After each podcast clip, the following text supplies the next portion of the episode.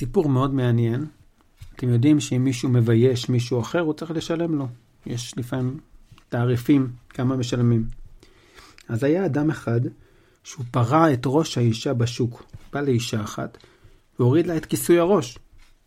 זה ממש לבייש אותה. אז היא באה לפני רבי עקיבא והוא חייב אותו לתת לה 400 זוז. זה. זה המחיר על ביוש כזה. 400 זוז, מחיר גדול.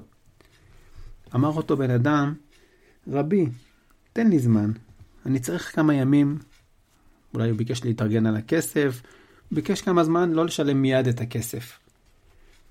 אמר לו רבי עקיבא, בסדר. מה עשה אותו אחד?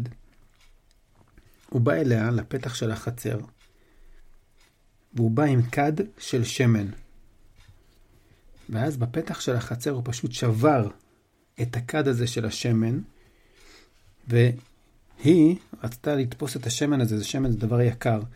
אז היא הורידה את הכיסוי ראש שלה, והתחילה להספיג את השמן ממש בתוך, בתוך הבד. הורידה את הבד מהראש והתחילה להספיג את השמן.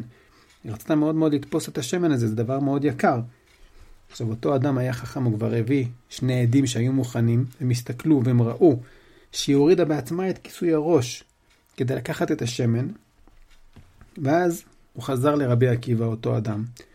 אמר לו, תראה, אני אמנם הורדתי לה את כיסוי הראש, אבל היא בעצמה מורידה את כיסוי הראש כשהיא צריכה. היא הייתה צריכה עכשיו את השמן, הורידה כיסוי ראש, יש לי פה עדים.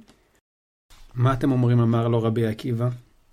הוא אמר לו, צללת במים עמוקים והעלית חרס בידך. היא יכולה להוריד את כיסוי הראש שלה, היא עשתה את זה, היא רוצה לעשות את זה לעצמה, היא יכולה לעשות את זה לעצמה.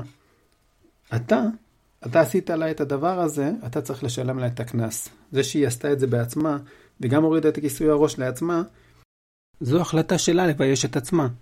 אבל אתה, כשאתה ביישת אותה, אתה צריך לשלם. אם בן אדם רוצה לבייש את עצמו, זה עניין אחד, אבל בן אדם אחר לא יכול לבייש אותו. לכן רבי עקיבא אמר לאותו אדם שבכל זאת צריך לשלם את 400 זוז. זה סוף הסיפור.